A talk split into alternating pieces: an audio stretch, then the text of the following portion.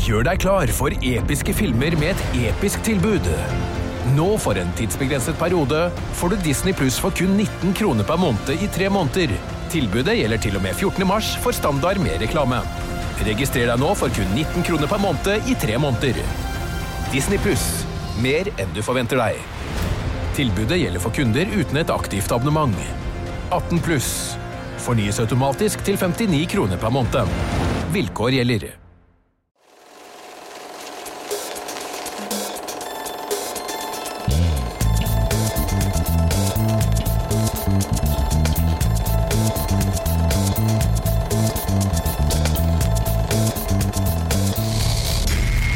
Filmmagasinets podkast. Hei og velkommen til Filmmagasinets podkast. Mitt navn er som vanlig Tor Aaberg, og i dag skal vi snakke om serieuniverset til Mike Flanagan. Eller The Flaniverse, hvis man har lyst til å kalle det det. Eh, Han er en mann som har lagd flere skrekkserier og skrekkfilmer opp igjennom, og jeg har på mystisk vis klart å unngå å se noen av dem. Og Derfor så har jeg med meg Filmmagasinets ansvarlige redaktør, Eirik Bull. Hello. Og horror-dronningen vår, Madeleine Krogh. Hallo. Jeg måtte jo være her. Dere har begge to sett mye Mike Flanagan og skal skole meg og lære meg om hvorfor man burde se greiene til Mike Flanagan. Mellom oss har vi vel sett alt, tenker jeg. Jeg tror jeg er den eneste i rommet her som har sett faktisk alle seriene og alle filmene hans. Jeg tror ikke du har sett alle episodene av alle seriene. Jo? Nei. Mm, Nei. Nei, det stemmer. Ha! Det stemmer. Jeg sa feil. Beklager. Ja. Jeg trekker det tilbake. Jeg har, altså, det, er, det er feil å si at jeg ikke har sett noen, for i dag tidlig så så jeg første episode av Midnight Mass, og jeg så første episode av Hall of the House of Usher. Så jeg har sett to episoder, og så langt, etter å ha sett én av hver, syns jeg, jeg jeg liker det jeg ser. Du er veldig modig, fordi at uh, hvis du ser Jeg kan forestille meg at hvis du ser én episode av en uh, Flanagan-serie, og så går du og ser en, en første episode av en annen Flanagan-serie, og så da kommer du til å bli fort forvirret hvis du holder på sånn, fordi at han bruker veldig mye av samme skuespillerne. Ja, det merka jeg allerede etter å ha sett én episode av hver av de. Jeg bare, hm, Men det er jo hm, Han er der? Mm. Ja, det antar jeg vi kommer til etter hvert, men vi kan jo begynne for de uinnvidde, meg selv inkludert. Hvem er egentlig Mike Flanagan? Jeg kan snakke om mitt forhold til Mike Flanagan. For eksempel. Eh, mitt forhold til Mike Flanagan er jo egentlig ganske nært. Fordi jeg brukte hans Spennende. andre film, Hush, i min masteroppgave, som jeg leverte i 2017. Eh, og det gjorde at jeg så Hush 17 ganger, i hvert fall, med og uten lyd. Fordi det er en film som har veldig fokus på lyd. Og jeg bare har forelska meg i universet hans.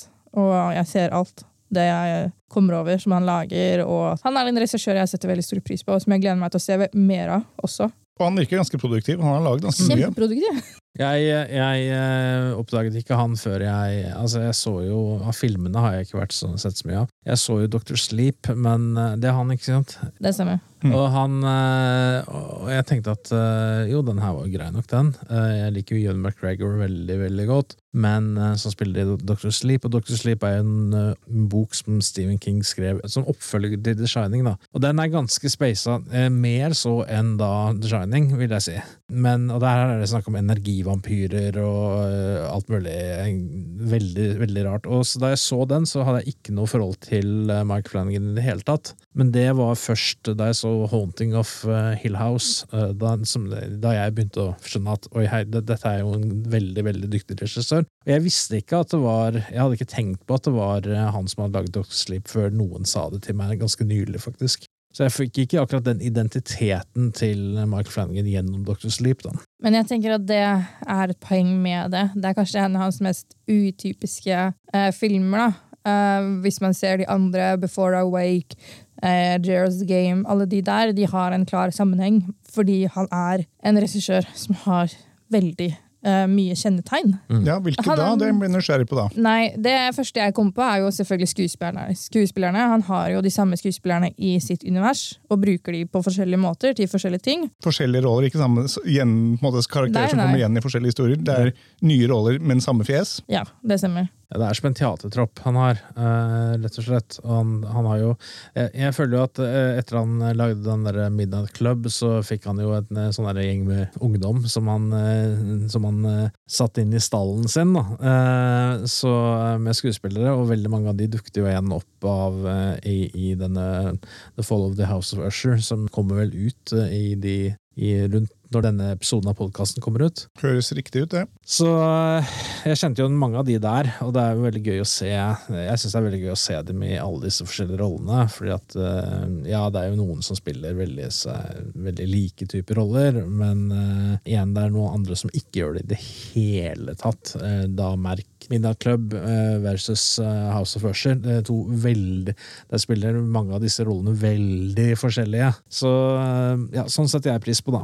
Mhm. Er det noen andre kjennetegn? Han har en del stilistiske kjennetegn. Det er mange påskeegg, eller easter eggs, altså, i både filmene hans og i seriene hans. eh, som det er verdt å følge med på. For eksempel Nå skal jeg spoile noe. Jeg skal spoile en bitte liten ting. Mhm. Og det er fra Hush. Den ene boka som hun forfatteren Maddy skriver, heter Midnight Mass, som ble en serie.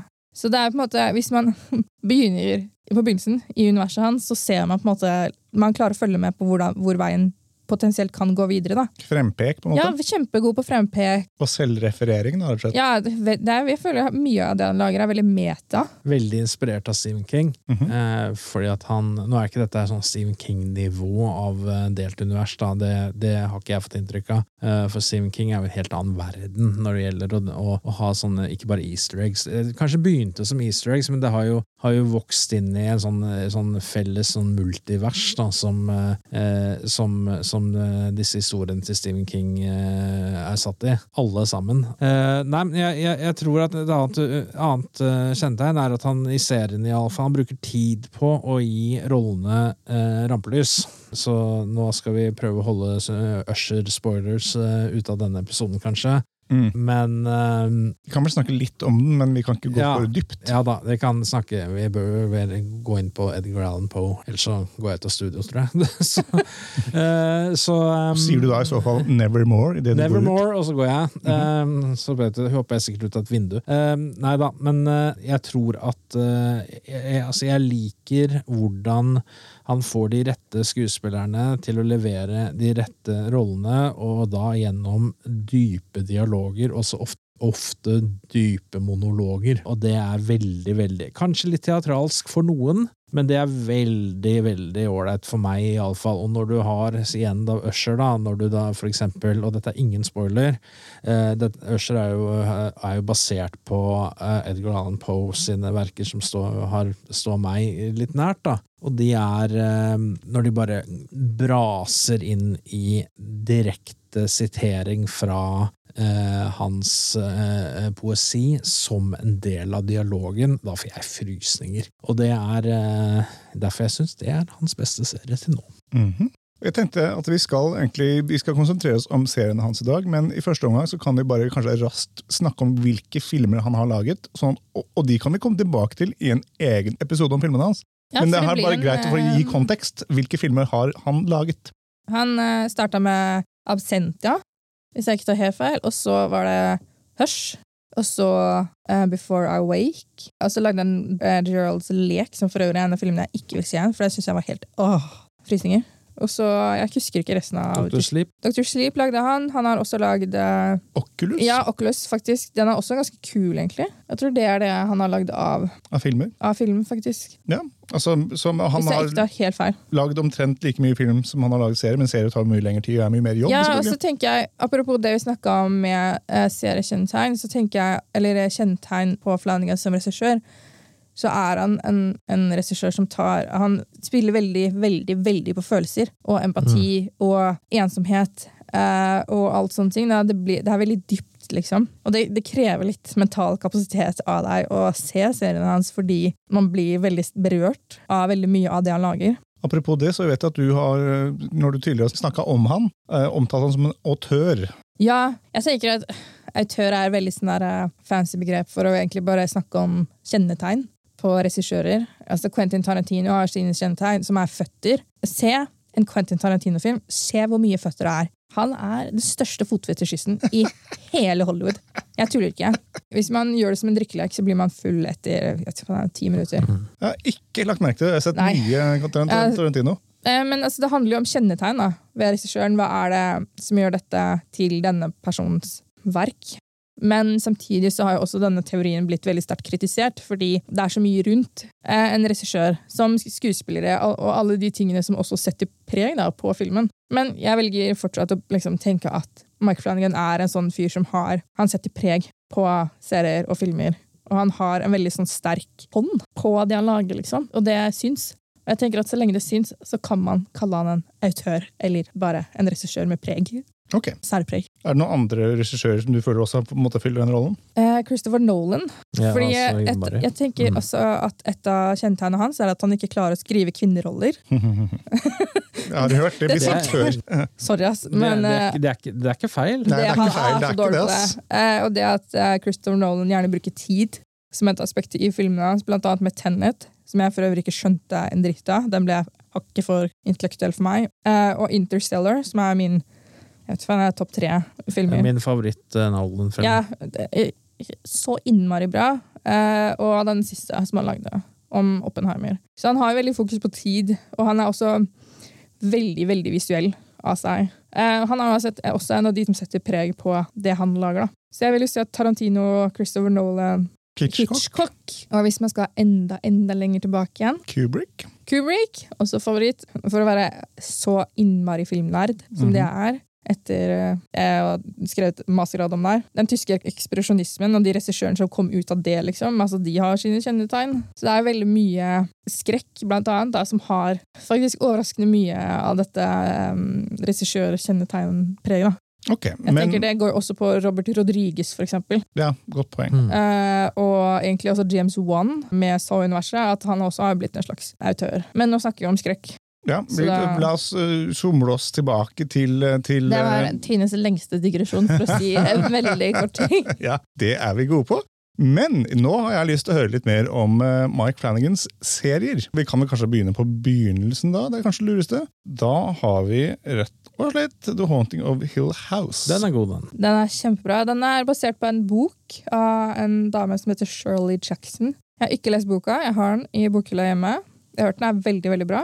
Eh, Den tar jo for seg et, en dysfunksjonell familie og et hus, Ja. eh, naturlig nok. Og hva De som- fleste dysfunksjonelle familier bor ofte i hus. Ja, og greia med uh, Hill House er at huset også blir en karakter Jaha. Mm. i serien i veldig stor grad. Og det er også veldig fascinerende hvordan uh, Mike Flanagan klarer å gjøre disse stedene til en karakter, da, i så stor grad som det han faktisk gjør. Det er morsomt at de lagde i 1999 en eh, Jan de Bont lagde en eh, film basert på samme bok, tro, tror jeg. Nå kan jeg ta feil. Men eh, med Liam Neeson i Ja. hovedrollen. Og Jan de Bont, mannen bak Speed, liksom. Og det var sånn derre computergenerert farse av en film som jeg, hvor jeg husker Jeg husker veldig godt på det da vi så det, var, det var tiden for linær TV, da.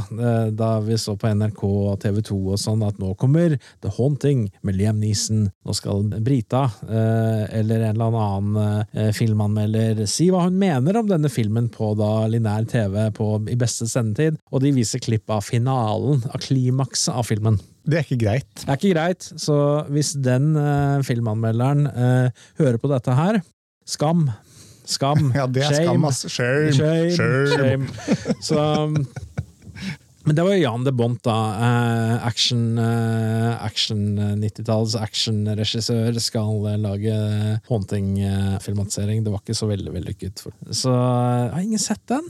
Nei, men, men hvordan gjorde Flanagan det annerledes? da? Vi får holde oss litt til La Flanagan. la oss ha, eh, si først at han bruker litt tid på å bygge opp disse rollene, og bygge opp stemningen, og la, få bli litt, la ting være litt troverdig, da, til tross for at det er spøkels. Det er spøkels. Og er, eh, så den er veldig, veldig god, fordi at du følger ikke nødvendigvis dette huset, du følger ikke, det er ikke spøkelsene du, du skal, det er ikke sånn bo, nå ble du redd nå. Det er ikke det. Eh, Du, han bygger opp eh, sånn som, sånn som da igjen Stephen King gjør, da, at han bygger opp disse rollene så innmari før han river dem ned, ikke sant? Og da blir det så mye mer effektivt. Og The Haunting er, er mesterklasse i dette her, altså. Så, for du bryr deg om alle sammen, du bryr deg om denne familien. Ja. Og i første sesong på en måte var jo The Haunting of Hill House, og så kom The Haunting of Bly Manor. Ja, det er ikke Den likte jeg ikke like godt, faktisk. Jeg syns ikke den var like engasjerende som den første serien, dessverre. Eh, jeg hadde ganske høye forventninger fordi eh, ja, Det er jo en annen bok og en annen forfatter. Ja, er er akkurat basert det. Det er et annet premiss. Eh, Det er en annen idé, og en annen, annen store, den store ideen, den store hemmeligheten, er jo veldig annerledes der. Og den er jo kanskje inspirert av en annen eh, Nå, nå prøver jeg å unngå spoilers her, men nå er jo, eh, den er jo på en måte litt mer inspirert av sånne spøkelsesfilmer som The Others med Nicole Kidman og, og, og sånne ting, vil jeg si. Jeg, eh, jeg likte den, vi så den, jeg og min bedre halvdel, men, eh, men ikke på langt nær så godt som eh, Hill House. Men det er jo sånn- den store Rahul Cooley spiller jo der, da, så det er jo én tommel opp bare, bare på grunn av han, for, i min bok. Han er jo også en gjennomgangs, sånn der gjenganger i han, Etter det så ble han gjenganger i, i, i, seriene til Mark Flanagan. Ja, for da kommer vi faktisk til Midnight Mass, som kommer etter, og der er han med. Det Ja. tror jeg er min favoritt, faktisk. Ja, det er film for Rett og eh, slett. Ja, ja, den er veldig, Med veldig god. han eh, Hamish Linklater, Ja. som spiller prest. Ja. Og alt går så innmari til helvete. Det er jo en serie om eh, kan si, de mørke sidene av religion. Da. Et eh, tema også Stephen King er veldig interessert i. Eh, og sånn der blind tro. Hva får du hvis noen sier eh, halleluja, så er det oppstandelse, og så er det egentlig eh, død og fordervelse, ikke sant? Jeg så første episode før i dag. Jeg ble Mm. fenga. Jeg vil se resten. Ja, veldig, veldig god. Ja. Noe mer man vil si om den, for man, annet enn at gå og se den, Bare liksom? se, altså Hvis man skal starte med du, Man begynner på begynnelsen med Hill House, og så ser man det kronologisk. Men hvis man ikke har lyst til å se Blee Manor, så trenger man ikke å se Blee Manor. Nei, det er ikke noe sammenheng mellom Nei, det er ikke noe sammenheng. Men se Blee Manor også. Ja. Eh, Jeg syns den var fin, jeg. Det er, men den er ikke, kan ikke måle seg med Hill House, det kan du ikke. Jeg kan jo se sånn at Først så hadde han jo The Haunting of Hill House og The Haunting of Bly Manor, og akkurat etter han hadde lagd Midnight Mass, så kommer han jammen med The Midnight Club. Ja, den er fin. Den er, eh, handler om noen uh, ungdom som er uh, med, med forskjellige uh, dødssykdommer de bare rett og slett ikke kommer til å bli friske av. De kommer til å dø, og de er på et hjem for dødssyke ungdom. Og det er jo, da har du, der starter vi bedrøvelig. Ja. Eh, og, og, og, og så dør en av dem, eh, og så begynner ting og mystiske ting å skje, da, selvfølgelig, på dette huset. Så det er enda et hus, men dette er jo da et hjem for dødssyke ungdom, da, og det er jo eh, Men det som er spesielt med den, og eh, den er fin, den er rørende, men jeg var kanskje ikke helt fan av den struktur. Eh, Det er at eh, hver eh, kveld, hver midnatt, da, for denne der midnattklubben, så møtes de i biblioteket eller noe sånt, noe, eller ved spisesal eller noe sånt. Alle disse, som, disse ungdommene som bor der, så forteller en historie om en, kan være en skummel historie, det kan være en morsom historie, det kan være, og da får vi da, blir vi tatt med til denne historien. Sånn visuelt sett. Visuelt sett, det blir den, den episoden er den historien. Og så er vi tilbake, så er det en forteller da, så er vi tilbake, og så skjer det jo selvfølgelig en sånn rød tråd gjennom det som skjer i den virkelige verden. Uh, og det, det er historier som er science fiction, og det er historier som er skrekk, og det er uh, seriemordere, og det er, det er det som er Men det, det tok meg litt ut av det, at det ikke var én historie vi har her og nå. Uh, og noen av de historiene der, Da blir man jo selvfølgelig Man liker jo noen av de historiene bedre enn andre, og det blir litt sånn der oppstykket, da. Det blir en serie som på en måte er en antologi, uten Antologi, å egentlig være det? Ja, men eh, det kan jo, man jo si om uh, serien som kommer etter òg, da. Men Ja. det er, uh, Midnight Club er faktisk den eneste serien som jeg ikke har sett ferdig. Fordi jeg uh, Den var kjedelig. Jeg syns den synes var litt tam, og Ja. jeg vet ikke om det er noe med at jeg ikke er riktig målgruppe, eller hva som er greia, men jeg syns ikke det var like spennende som er min nok- bedre halvdel fikk den- se resten alene. Den er nok mer for tenåringene. Ja, jeg tror jeg er rett og slett er for gammel, Ja. eh, og det er en ærlig sak, og det er lov. Når den yngste av oss er for gammel, så er jo det interessant. Fikk du meg til å føle meg gammel. Så. Nei, jeg, den, er, eh, den, den er rørende. Den er selvfølgelig og gripende, og vi liker disse, disse ungdommene og, eh, og sånn, så han eh, Så det er verdt å se. Men eh, jeg likte mye bedre eh, House Usher sin måte å fortelle historier på. Perfekt, for det er den vi har kommet fram til nå. Ja. The Fall of the House of Usher. Og jeg vet jo at Mark Hamill er med, er med i den, og han spilte jo i The Rise of Skywalker, så i hodet mitt til å begynne med så het den The Rise of the Fall of ja, Skywalker.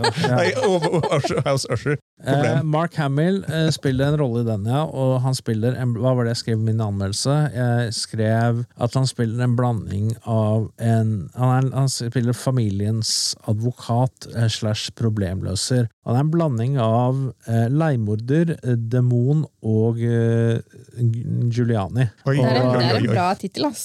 Ja, og det er eh, Men den er så bra, den rollen. Så, men det er igjen ingen spoilers. Den, eh, han spiller jo Arthur Pym, som er en av For dette er, dette er Edgar Allan Poes greatest hits, rett og slett. Du har tatt masse Edgar Allan Poe-greier inn i én historie. Og så har du da Det handler om det der House Usher, som i, nå, i nåtiden er jo da sånn derre opioide, legemiddelkynisk drittfirma sånn, som driver og, og får folk avhengig av smertestillende i, i USA. Virker veldig inspirert av Sacker-familien i USA. Det er nok Ja. er veldig basert på det. Og en ting jeg syns var veldig fint med Usher-serien, er at den krever ikke at man har inngående kunnskap om Edgar Allan Poe, fordi det det har ikke jeg. Nei, og det I det hele tatt, Og likevel så ble jeg engasjert. Jeg ble også mer nysgjerrig. Du har, du har, Poe, du har, du har den, det er åtte episoder. Du har den første, som er en innledende episode. Så har du episode to til syv, og vi- vet jo at dette, det, er, det er ingen spoiler. Han har seks barn, alle skal dø. Mm.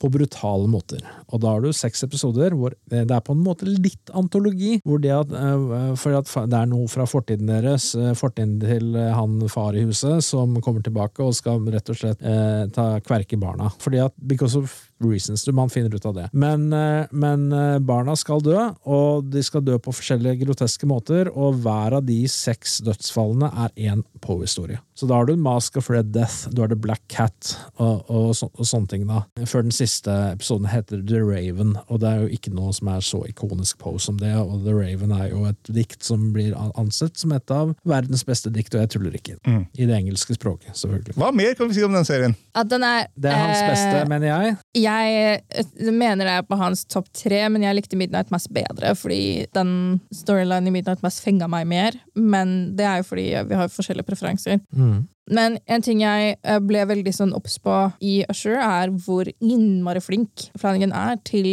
å ska altså, sette altså, stemning. Mm. Og liksom skape sånne kjempeekle stemninger. Mm.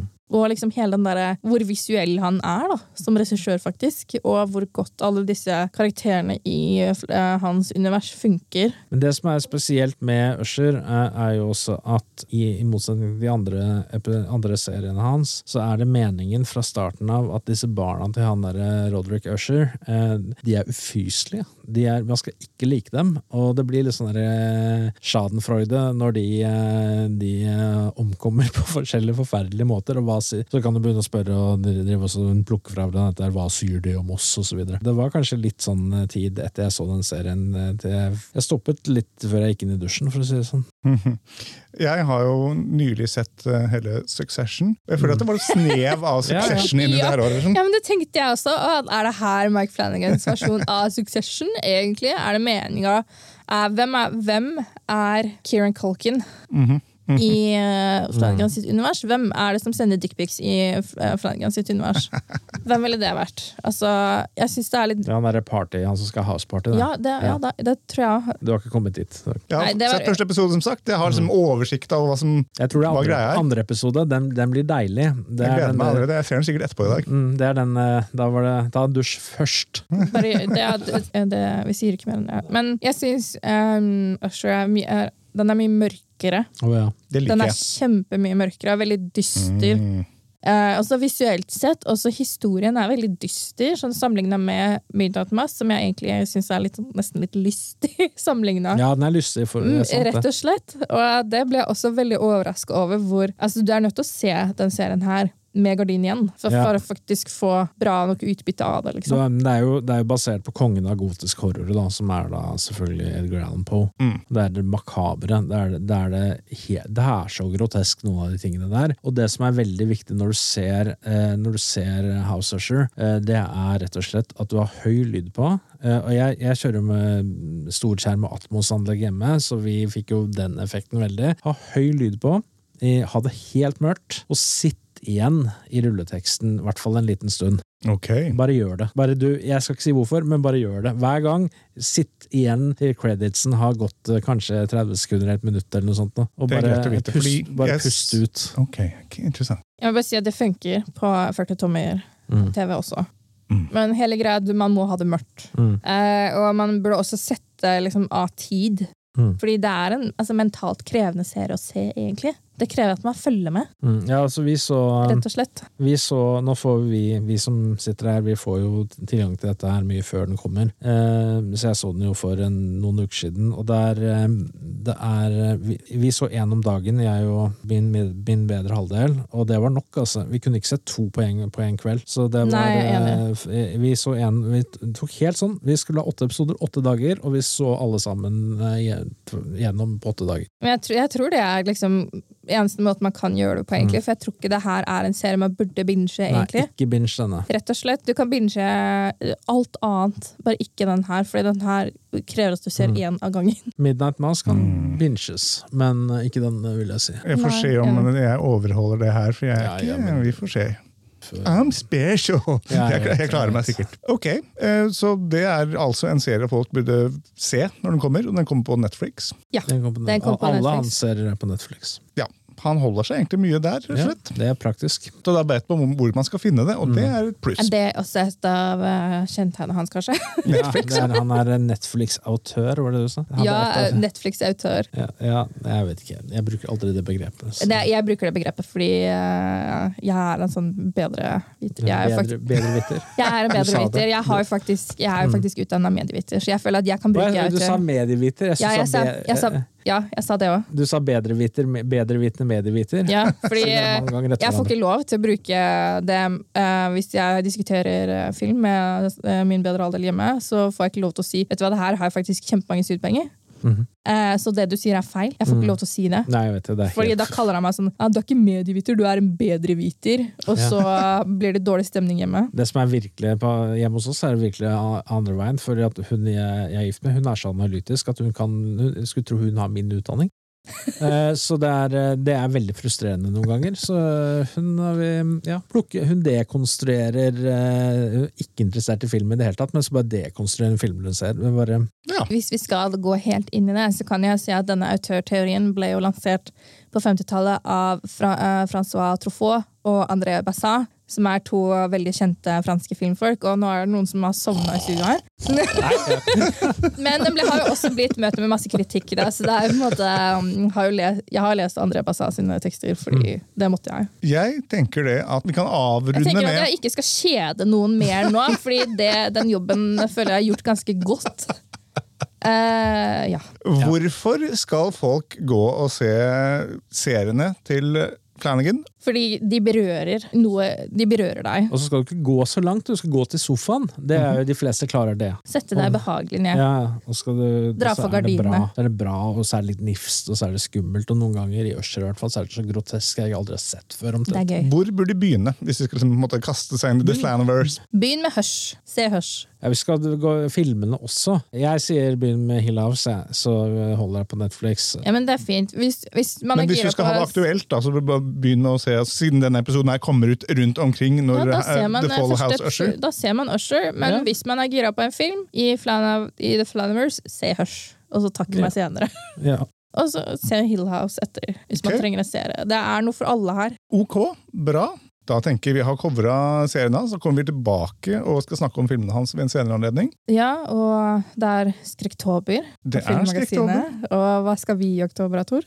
Vi skal på Ramaskrikfestivalen. Åh, jeg gleder meg så mye til å dra på Ramaskrik. Og der skal vi lage masse gøy innhold, og vi skal prate med masse spennende folk. Og se masse skrekkfilm. Vi skal se, Det er tre dager, det. Men vi skal bare se horror. Det blir kos. Jeg gleder meg. Jeg tror det blir skrekkelig skummelt. De horror, de horror! Nei! Det blir bra, da følg med når vi skal eh, være der. Hvis dere liker det dere hører, eh, snakk med andre mennesker om denne podkasten. Spre den som en Virus. som, som en virus. Riktig, spre den som én virus. og, En virus. og, del den, og del den gjerne på Lik og nett. del. Lik og del. Tusen takk for i dag. Takk for at dere kom. Ha det. Ha det.